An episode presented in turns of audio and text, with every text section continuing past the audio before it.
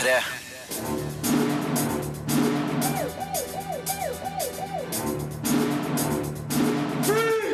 Filmpolitiet!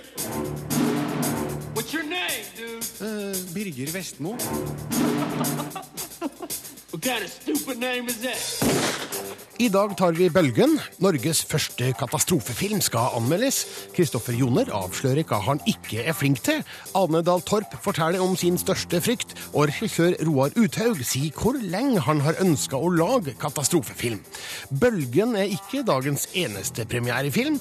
We Are Your Friends er overraskende underholdende med Zac Efron som DJ.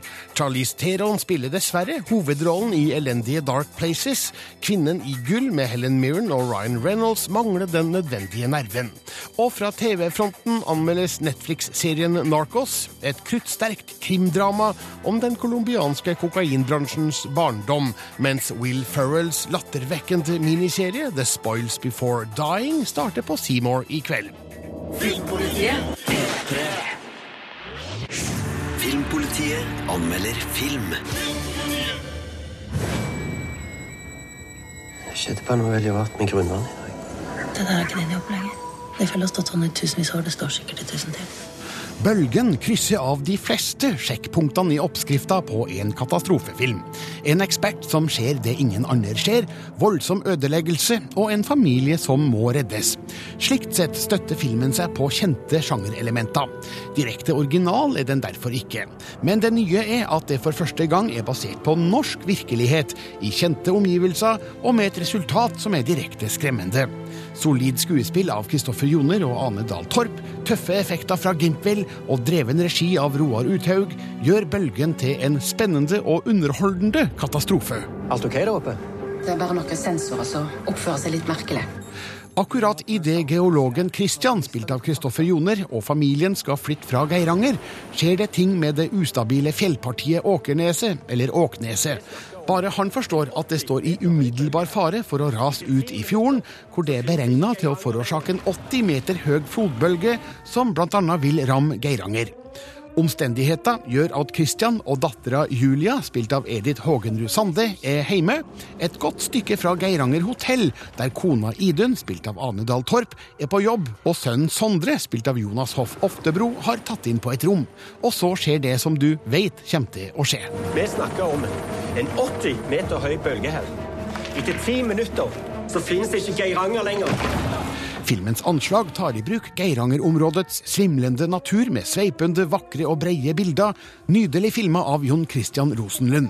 Det er en slående kontrast mellom den brennende innledninga og de imponerende og apokalyptiske scenene vi får se senere. Det samme gjelder Christian Skonnings lyd, som virkelig setter trommehinnene på utfordrende prøver når filmen nærmer seg sitt klimaks, akkompagnert av Magnus Beites storslåtte katastrofemusikk. Effektene er også fryktinngytende og overbevisende. Det merkes nok at budsjettet ikke tillater like mange skildringer av ødeleggelse som i en tilsvarende Hollywood-film. Det vi får se, holder likevel høy katastrofestandard. Thomas, hør meg. Ut av bilen, begynner å springe nå. Katastrofefilmer kritiseres ofte for forutsigbarhet og tynn handling, men samtidig har de et sett kriterier som de er nødt til å innfri, ellers er de ikke tro mot sjangeren og blir kritisert for det òg. Bølgen lykkes med å sjonglere fine personskildringer og effektdrevet underholdning i en stigende spenningskurve. Det den kanskje ikke har av originalt tilsnitt, tar den igjen på god kvalitet og profesjonalitet på bl.a. foto, lyd, musikk, klipp og regi, slik at det her blir en imponerende spenningsfilm som vil bli svært godt besøkt på kino. Og det er der den hører hjem, i bredt format, høy lyd i alle kanaler og en stor boks popkorn i koppholderen. Thomas, bare få ungene vekk herfra nå. Ok, kom. kom pappa! Julia, spring så fort du kan. Så fort du kan. Kom igjen. Terningkast fem. Les mer om film, spill og serier på p3.no Filmpolitiet. Kristoffer Joner spiller Christian, geologen som forutser rasfaren og må flykte fra katastrofen i bølgen. Ane Dahl Torp spiller Idun, hotelldirektør i Geiranger, og kona til Christian. Både Joner og Dahl Torp er kjent fra en rekke filmer i ulike sjangere, men katastrofefilm har de ikke vært med i før. Michael Olsen Lerøen har møtt dem, og Joner medgir at han var usikker på rollen han skulle spille i bølgen. Ja, altså jeg, jeg var litt sånn usikker på hva de ville ha for noe. Og så da, har jeg det Da tenker jeg av og til Altså, Jeg pleier å ha en liste så sier jeg sånn Det er bra til, eller det er dårlig til, det er dårlig til, det er dårlig til. Liksom. Så vet regissøren det. på en måte sånn, at Det er ikke ting jeg er så veldig flink til. Så, men da vet du det, og så kan du ta valget nå. Og da er det litt sånn at det, jeg, tror ikke at, jeg, sånn, at skuespillere kan liksom alt. Det er en, noen som mener det, jeg mener ikke det. Jeg mener jeg har mine begrensninger. Helt klart. Sånn. Og da bare lurte jeg på hvordan dette skulle passe inn i denne filmen her. Og så fant vi litt ut av det, og så ble vi enige. Sånn at vi, så vi ble litt enige om vi kanskje måtte liksom reise litt mer eh, litt mer mann og litt mer altså sånn oppreist og litt større kanskje, og litt småting som det. Og så ja, var det en god del kostyme og sminke som gjorde han til en litt mer sånn en friluftskis-greie. Hva sto på listen din, da? Jeg setter det vanlige opp på listen. altså sånn, Jeg er dårlig på springing. Jeg er, jeg er dårlig på tekst. Og så er jeg dårlig på en del andre ting jeg er ganske dårlig på. Holde pusten? Ja, den er jo grei. altså sånn, men det, Jeg visste ikke det om denne. Men jeg fikk jo sånne krisemeldinger sånn Hei, kan du holde pusten? Er det, hvordan er det med helikopter? Men da svarer du vanlig. Ja, helikopter, ja. Valium, ja. Siden da kan vi fly. Så det er alltid mulig. Det er bare man må legge rette, til rette for det. Så ja.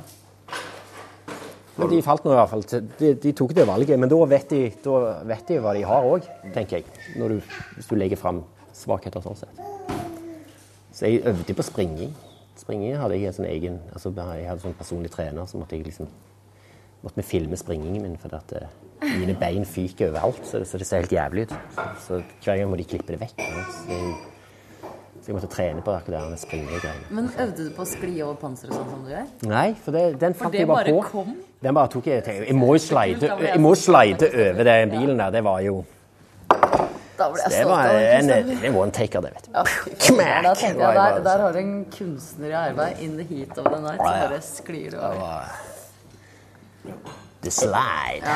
Ja, for jeg, altså, med deg så er man ikke i tvil om at man kan få en tøff dame som kan holde eh, høyt actiontempo.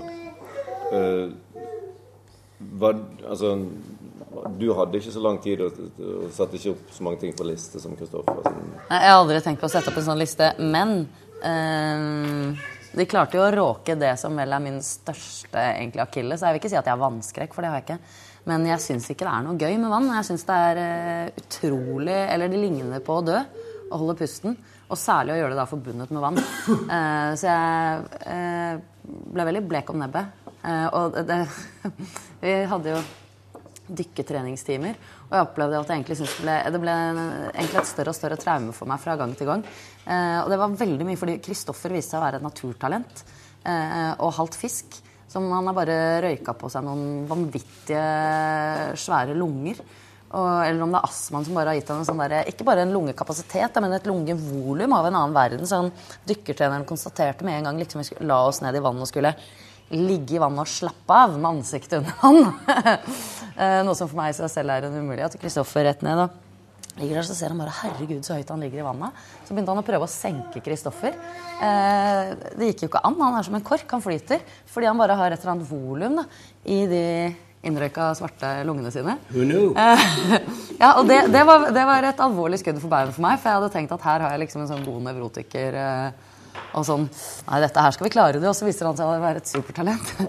Så det var, det var dumt, fordi jeg også har tenkt sånn jeg liker en utfordring, jeg syns det er gøy, men den her likte jeg ikke.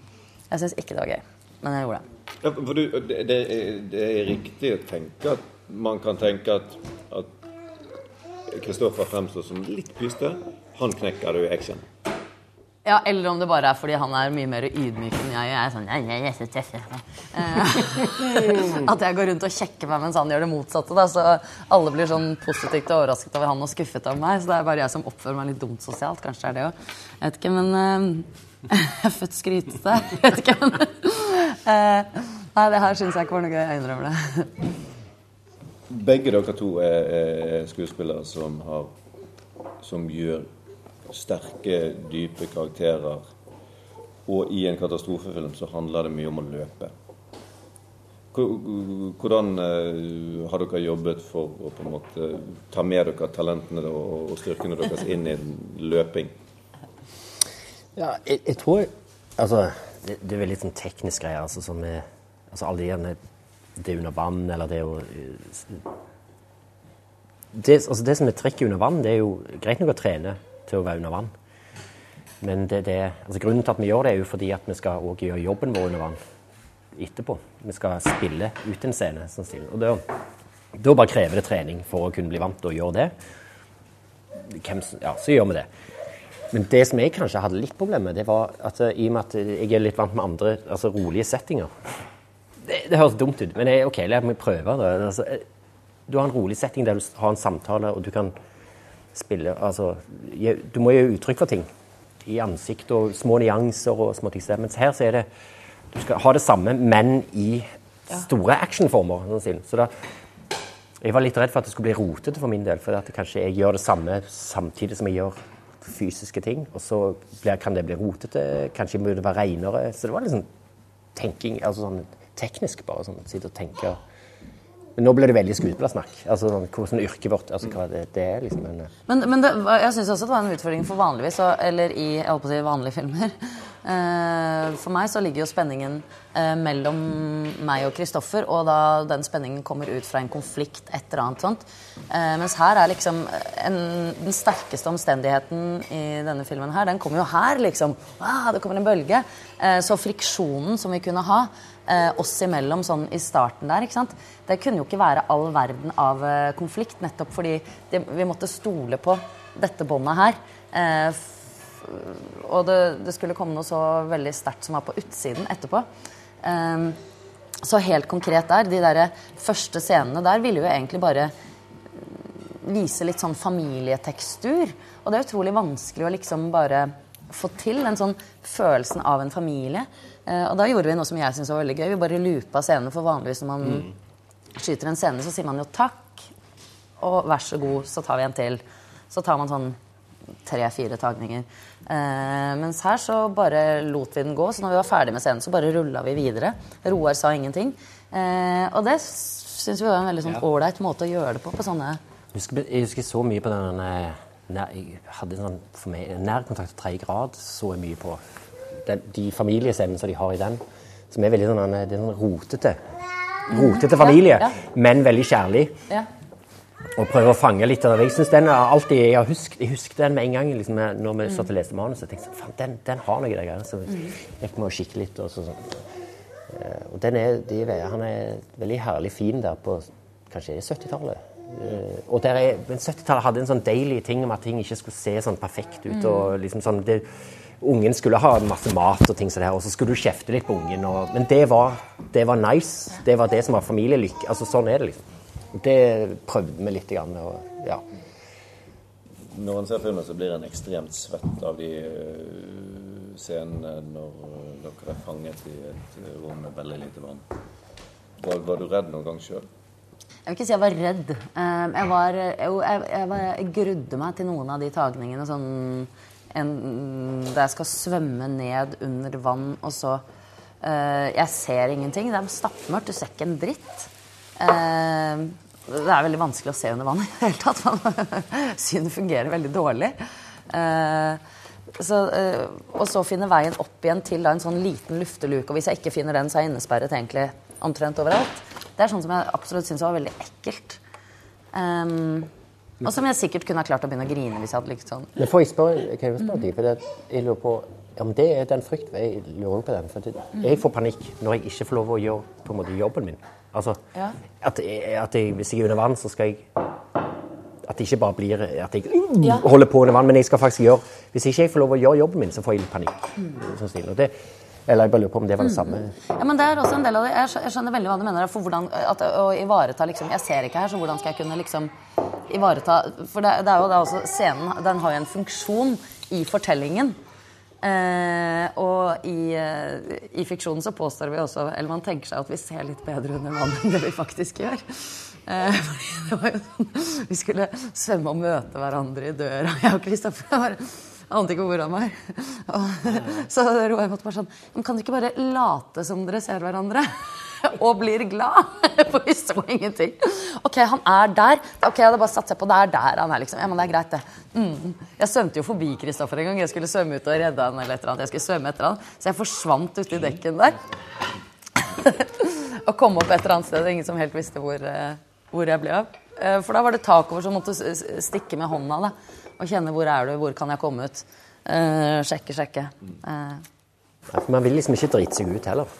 Det, altså, jeg føler jeg vil, det, jeg vil hele tiden være i kontroll og kunne gjøre jobben min, men når jeg mister den, da får jeg litt panikk. Da er det sånn Hei, nå er det nok her. Nå må vi konsentrere og få gjort dette ordentlig. eh, Liksom, jeg må liksom jeg, jeg får litt panikk når jeg ikke får klar Altså når skuespillergreiene skjer. Ja, I tillegg til at du sjøl sier at du har noen fobier eller noe ting du er nervøs for, så Men altså, det er jo ikke så Så spør du foto her, altså hadde han det, det å jobbe under vann uten luft i vektløs tilstand lignende greier, så er det en helt annen ting å holde på med.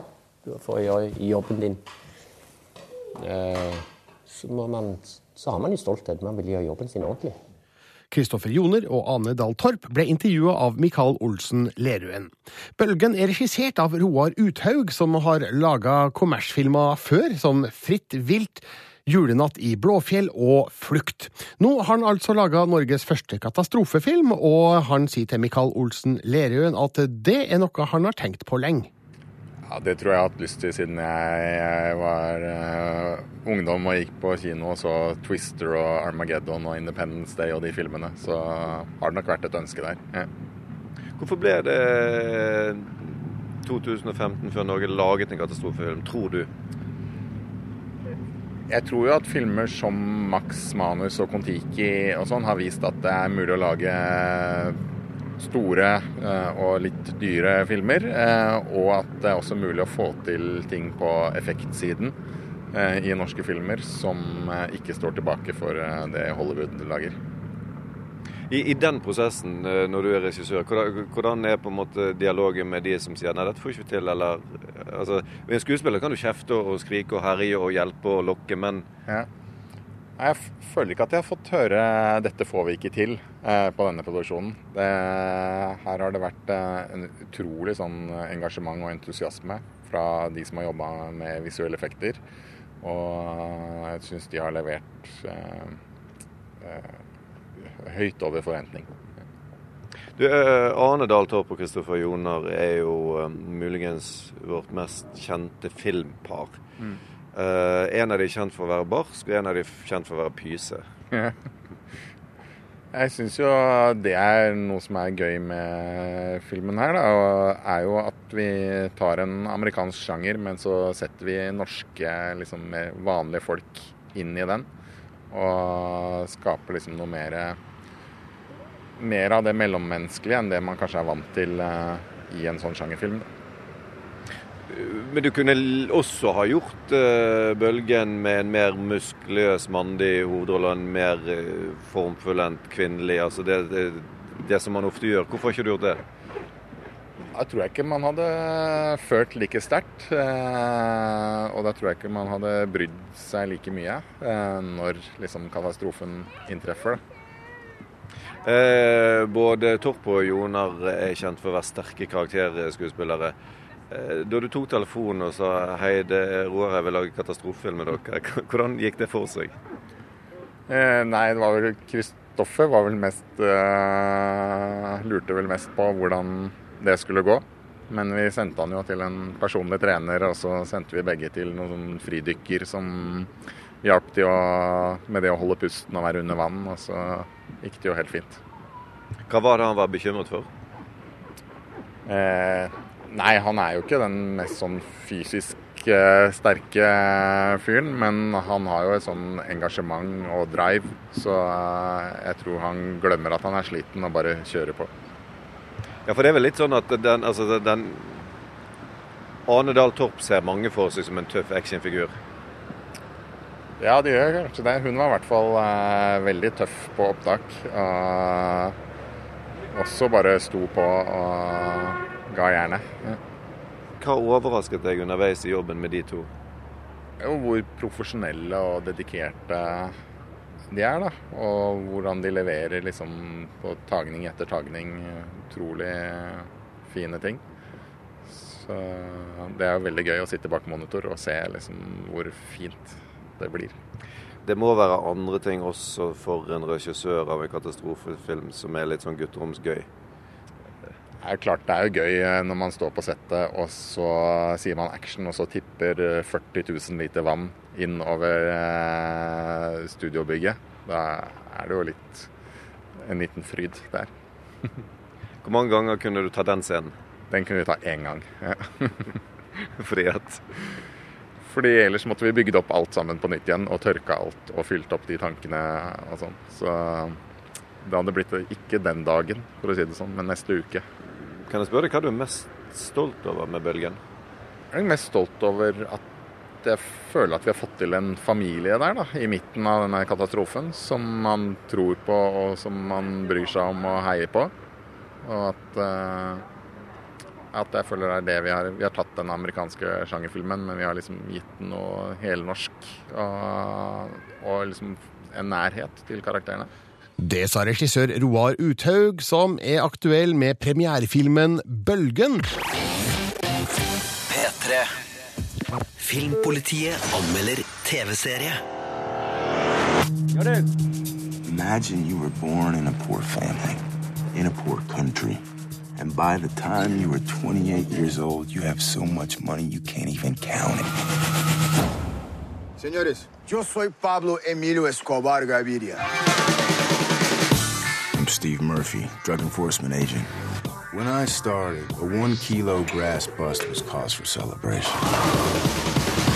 We had no idea what we were in for.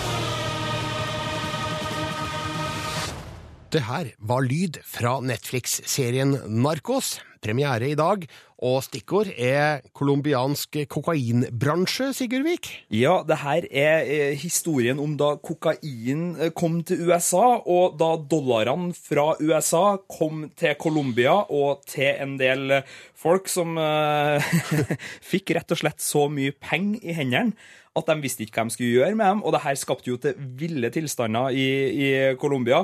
Det er da Pablo Escobar som er hovedfiguren vår denne gangen. Han er en av de mest kjente av eh, Colombias eh, narkobaroner, og det er liksom hans historie vi følger her, samtidig som vi følger narkoagenter fra USA sin historie, vi følger det politiske innenriksklimaet i Colombia, vi følger det storpolitiske internasjonale som blir påvirka av det her, og vi følger familier og figurer tett. Så det er ganske komplekst og, og avansert. Jeg syntes jeg kjente igjen noen stemmer i det lydklippet vi hørte i sted. Ja, det er jo eh, Pablo Escobar, spilles av Wagner Mora. eh, En kjent fyr. Spilte bl.a. hovedrollen i Tropa de Elite fra 2007, som var en eh, storfilm der. Og så er det jo en agent, amerikansk type sådan, med en herlig spansk, som mange vil kjenne igjen fra Game of Thrones. Det er Pedro Pascal som spiller Javier Peña, en av agentene som er hovedfolkene i jakten på Escobar. Er det her bra? Det er veldig, veldig, veldig bra. Det er en serie som klarer å fange den der utrolig komplekse, avanserte historien inn i en tiepisoders uh, runde som, som funker, og som ikke blir det blir ikke sånn at du sitter her og liksom lurer på hvem var det igjen, hvem var det. De har liksom klart et sånt fint antall figurer som vi følger tett, og som vi blir, eh, investerer i og blir engasjert i. Og, og de får fram historier på en, på en ypperlig måte. Og så er det en fin tidskoloritt, det er kul musikk. Det er jo kjempespennende med kokain, da, Birger. Hæ? Ja, det er visst det. Ja, eller, altså, og, og, og se om det, ja. Ikke bruk det, nei. Nei. Se om det, ja. ja, Du, jeg tenker jo da umiddelbart på Scarface 1983. Altså, Er vi litt der rent eh, stilistisk? Vi er litt der. altså Det er dressa med litt sånn oppknappa skjorte, litt hår på brøstet, maskinpistoler, massevis av kokain, massevis av dollarsedler. Men de, de blir ikke en sånn der eh, stereotypisk framstilling av kokainbransjen, som man ofte kan se på film. Jeg skal ikke begynne å, å nevne for mange, men det blir ofte litt sånn her kule sånn Tarantino-eske greier med sånn kjapp klipping mellom ah, kokain og alt sånt der. Er- Den er ikke der. Altså, Den er ikke en versjon av Blow med Johnny Depp som kom for en eh, ti år siden. Altså, den, den har sitt eget tempo, den har sin egen stil, den er kreativ. Den har et par svakheter. som er, Den ene er at selv om noen av episodene er helt magisk, så er det andre som ikke funker helt. Og dramaturgimessig så er den ikke Jeg skal ikke avsløre noe, men altså, den, den, den har kanskje ikke helt uh, innertieren der. Og så er det Det blir veldig amerikansk, da. Det blir veldig amerikansk. Takk, Sigurd Vik. Narkos har premiere på Netflix i dag, og karakteren Terningkast fem. Les mer om film, spill og serier på p3.no Filmpolitiet. Og nå skal vi snakke litt om eh, Det vil si, jeg skal snakke litt om Fast and Furious 7. For denne uka kom den ut på Blu-ray, DVD og strømming. Og om du ikke har sett filmen, her er noen grunner til hvorfor du bør gjøre det. Filmpolitiet anmelder film. All right, let's get to work. Hey, Roman, you freaking out? No. Yes, you are.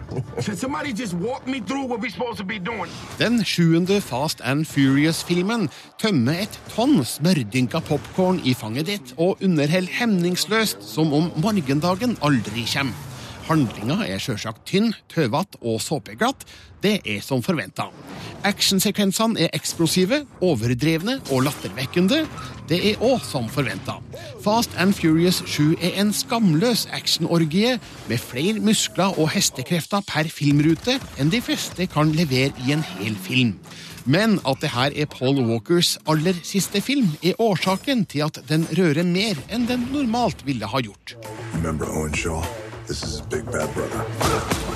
Det er vel ingen som tror at handlinga skulle aspirere til en Oscar-pris, men den fungerer til to timer og 20 minutter med hjernedød action. Furious-gjengen, spilt av Vin Diesel, Paul Walker, Michelle Rodriguez, Tyrese Gibson og Ludacris, må ut av sin rolige tilværelse når Deckard Shaw, spilt av Jason Statham, starter et hevntokt. For å finne han før han finner dem, må de frigjøre en fange fra terroristen Yakande, spilt av Jimon Honso. Vedkommende er nemlig en hacker, som er den eneste som kan igangsette et nytt overvåkningssystem som vil gjøre Furious-gjengen i stand til å finne Shaw. You get Ramsey, you get the God's Eye, you get Shaw. Well, that's the windup and the pitch. Regissør James Wan har skapt et monster av en actionfilm, der den indre logikken er farlig inkonsekvent, iblant med hylende, urealistiske handlinger og situasjoner. Men det spiller ingen som helst rolle i en film som det her. Her handler det om mest mulig fart og smell, og det leveres i bøtta og spann. Blant høydepunktene kan jeg nevne en svimlende biljakt i Aserbajdsjan, en høytsvevende flukt fra en skyskraper i Abu Dhabi og et oppgjør i Los Angeles som tilsynelatende legger halve byen i grus. Right. Paul Walker døde i november 2013, før innspillinga var ferdig. Det jeg kan si, uten å spolere noe, er at rollefiguren hans får en verdig avslutning i Fast and Furious 7. Fansen kommer til å felle en tåre eller to, samtidig som de kommer til å få ståpels av heftig action med barske biler, tøffe damer og typer med testosteronoverdose. Like it or not, you and your friends are a part of it now. I don't have friends. I got family. Terningkast fem. Fast and Furious 7 er altså nå ut på Blu-ray, DVD og strømming, og er varmt anbefalt. Filmpolitiet På P3. Det er bare to uker siden DJ-filmen Eden hadde norgespremiere, og i dag har enda en DJ-filmpremiere. Den heter We Are Your Friends, har Zac Efron i hovedrollen og anmeldes av Marte Hedenstad. Filmpolitiet anmelder film. Five, four, three, two, one. My friends and I, we're from the San Fernando Valley, that flat stretch of land on the other side of the Hollywood Hills. Pulserende musikk, fargerik dop og svette kropper. We Are Your Friends, som har tatt navnet fra Justice vs. Simians store hit, vil være et innblikk i miljøet rundt elektronisk dance i Hollywood. Men dette er nok ikke en film som det virkelige klubbmiljøet vil hylle. Men med Zac Efron i spissen har We Are Your Friends likevel blitt en svært underholdende affære. You're James Reed, right? Efron spiller Cole, en ung DJ med et talent for å få folk til å danse. Han drømmer om å slå gjennom og reise verden rundt med musikken sin. Én god låt er alt han trenger. Men Cole og vennegjengen hans bor ikke i Hollywoods celebre strøk, og hvis de skal finne veien til rikdom og berømmelse, må de se å komme seg ut av The Valley. That track is your ticket to everything. Når den alkoholiserte og desillusjonerte DJ-veteranen James, spilt av Wes Bentley, tar Cole under sine vinger, får Cole endelig muligheten han trenger for å slå gjennom. Det er bare ett problem. Han forelsker seg selvfølgelig i James sin unge, supersexy og smarte kjæreste Sophie, spilt av Emily Ratajkowski. Hey, you know, this party's looking a little stiff.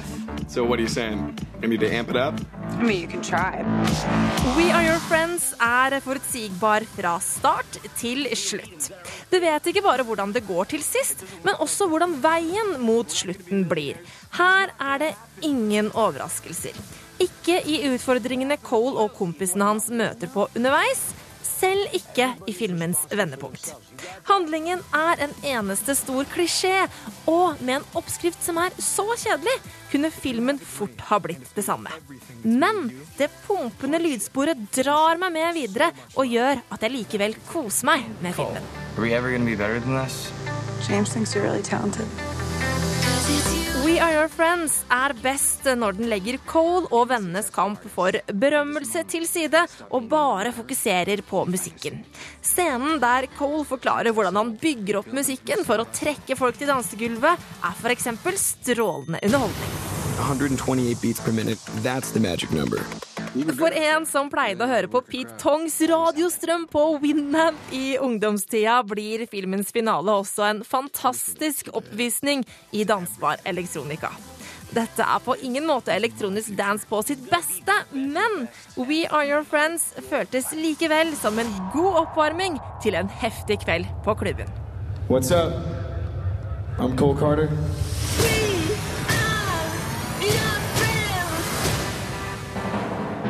Terningkast tre. Filmpolitiet anmelder film.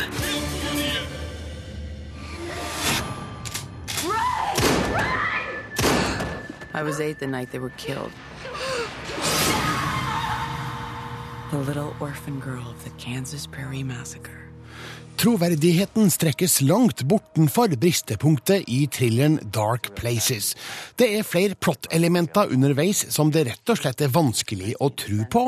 Men når klimakset kommer, er det bare å slå ut med armene, himle med øynene og lure på hva filmskaperne har tenkt. Og hvorfor er Charlize Theron med på det her våset? Hun pleier å være flinkere til å velge sine filmer. Dark Places er en skikkelig skuffelse. It's a real tragedy what happened. And your brother in jail going on 28 years. If you want to convince me that Ben's innocent, you're wasting your No, time. just cause pick your brain about what happened that day. Libby Day, spilt av Charlize Theron, blir overtalt til å fortelle om drapene på sin mor og to søstre 28 år tidligere, som broren Ben tilsto. Det trigger trangen til å grave dypere i fortida, og hun oppsøker broren, spilt av Corey Stoll, i fengsel. Libby oppdager ting som hun ikke har visst eller var for ung til å forstå den gangen, og begynner å mistenke at drapene har mer ved seg enn antatt.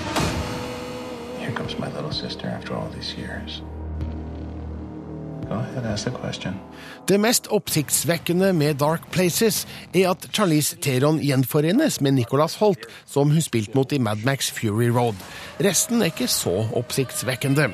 Historien hopper frem og tilbake i tid, uten at man mister sporet, men begivenhetene er bare ikke spesielt spennende eller interessante. Alt er filma veldig streit, uten poesi eller virtuositet. Ingen sjanser blir tatt, og det kan kanskje være et illevarslende tegn at hele 32 produsenter har vært med på denne produksjonen. I know you killed them. No, I did not. Jeg skal ikke avsløre hvordan historien utvikler seg, men må innvende at det etter hvert blir så dumt at jeg verken tror på handlingene eller figurenes motivasjoner. Den eneste forklaringa må være at samtlige er stokk dumme, men de blir ikke spilt slik av verken Charlize Theron, Corey Stoll, Christina Hendricks, Chloé Grace Moretz eller Ty Sheridan. Da er det kanskje manusforfatter og regissør Gilles Paquet-Brenner som har feila i adopsjonen av Gillian Flynns roman. Det som sikkert var ment å bli en sjokkerende og emosjonell thriller, har blitt en famlende og kjedelig C-film med B-filmambisjoner. It's time you tell the truth. Sad for you, little girl. Terningkast to. Filmpolitiet. Miniserien The Spoils Before Dying har Will Ferrell, Michael Kenneth Williams og Kristen Wiig i hovedrollene. I eh, kveld har den premiere på Seymour. Marte Hedenstad har sett alle seks episodene. Filmpolitiet anmelder TV-serie. Hello, I'm Eric Jean Roche, novelist, architect, The Spoils Before Dying er den andre installasjonen i en antologiserie laga av Matt Piedmont og Andrew Steele, og de to har lenge jobba sammen med Saturday Night Live og Funny or Die. Og da vet du kanskje hva du kan forvente av The Spoils Before Dying.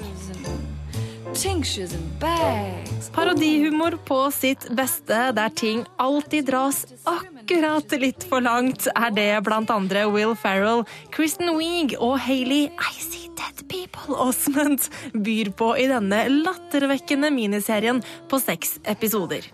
Wardell and I got a split. You got another gig? Yeah, baby. Another gig last minute. The Spoils Before Dying er en parodi på gamle detektivfilmer og film noir-sjangeren, og det er et dobbelt fiksjonsunivers vi møter i serien. Will Ferrell spiller den eksentriske forfatteren Eric John Roche, som i starten av hver episode presenterer oss for Never Before Seen Material, nemlig filmatiseringen av hans banebrytende roman The Spoils Before Dying. I John Roche sin film møter vi deretter jazzmusikeren Rock Banyan, spilt av Michael Kenneth Williams, best kjent som Omar i The Wire. Og når Rock Banyan våkner etter en heftig pillerus med et sort hull i hukommelsen, har hans tidligere elskerinne, sangerinnen Fresno Foxglove, blitt drept sammen med vitenskapsmannen Wilbur Stagamian. Rock anklages for mordet og får deretter tre dager av politiet til å renvaske seg selv, og blir dermed en privatdetektiv med et veldig privat oppdrag. Herfra blir det mord og mysterier med en tvist av nazikunst og kampen for de homofiles rettigheter. En herlig miks, med andre ord. Maybe if I'd have guzzled enough hooch and taken enough pills, my nightmare would be over. I ekte film noir-stil har Michael Kenneth Williams lagt fortellerstemme på den fiktive filmen. Og siden dette er gamle filmruller henta fra arkivet, er serien full av skavanker som feilklipp, dobbeltbilder og steder der deler av filmen rett og slett er borte. Give me some Episodene i serien føles nesten som en eneste lang sketsj, der ting dras ut til det surrealistiske. Det er svært lite som egentlig henger på greip i The Spoils Before Dying. Som for eksempel når Rock Banyan og hans nye elskerinne Dolores The Winter, spilt av Kristen Wiig, reiser jorda rundt på én dag. Hvis du ikke liker den overdrevne sketsjhumoren fra Saturday Night Live, så er det med andre ord bare å droppe The Spoils Before Dying. For denne serien er enten elsk eller hat, og jeg elsker det. Terningkast fem. Much obliged. Thank you so much. The Spoils Before Dying ble anmeldt av Marte Hedenstad, og serien på seks episoder har altså premiere på Seymour i kveld. Dette er P3. Nå er det klart for anmeldelse av Insurgent, som denne uka kom ut på Blu-ray, DVD og strømmetjenester. What does Janine think is in that box, Caleb? I don't know, but she's testing divergence. Searching for the one who can open it. Den andre filmen i Divergent-serien heter Insurgent, og fortsetter enerens spenning og intriga på et litt lavere kvalitetsnivå. Det forutsettes igjen at man glemmer alt om realisme, og godtar historiens fantasivirkelighet. Visst fins det ting å sette fingeren på, bl.a. ved historiens helt grunnleggende elementer, men Shailene Woodley er i alle fall fremdeles en god filmhelt med et stort register å spille på. This is factionless? This is insane. Vi er igjen i en inngjerda fremtidsvisjon av et postapokalyptisk Chicago, der samfunnet er delt opp i ulike grupperinger. Utbryterne Chris, spilt av Shailene Woodley, og Four, spilt av Theo James, har søkt tilflukt hos en gruppe fredsommelige, men blir funnet av soldater sendt ut av lederen for De lærde, Janine, spilt av Kate Winslet. De jages inn i sentrum, der de slutter seg til en gjeng gruppeløse.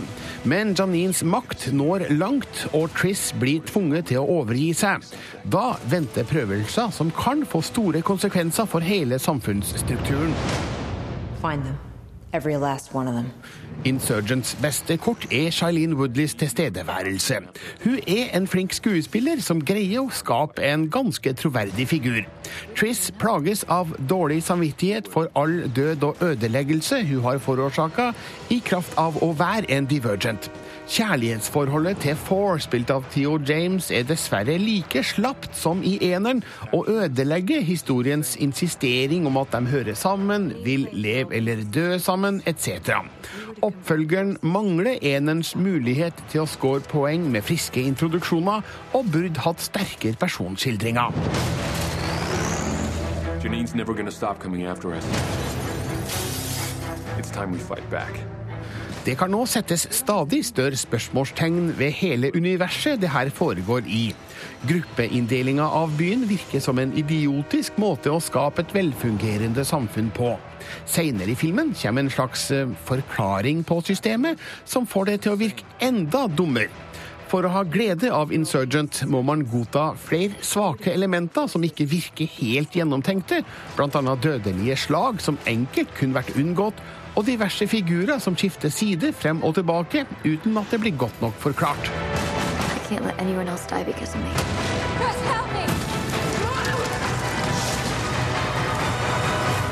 Insurgent er kanskje god nok til å behage fansen. Regissør Robert Schwenke har god kontroll på visuelle virkemidler, spesielt i en fantasisekvens med svimlende høydefaktor. Shailene Woodley er fremdeles en sterk Triss, men den neste filmen i Divergent-serien, Allegiant, må ha en sterkere historie å fortelle om interessen skal holde seg, eller helst heves. Dark times call for extreme measures. Let's begin.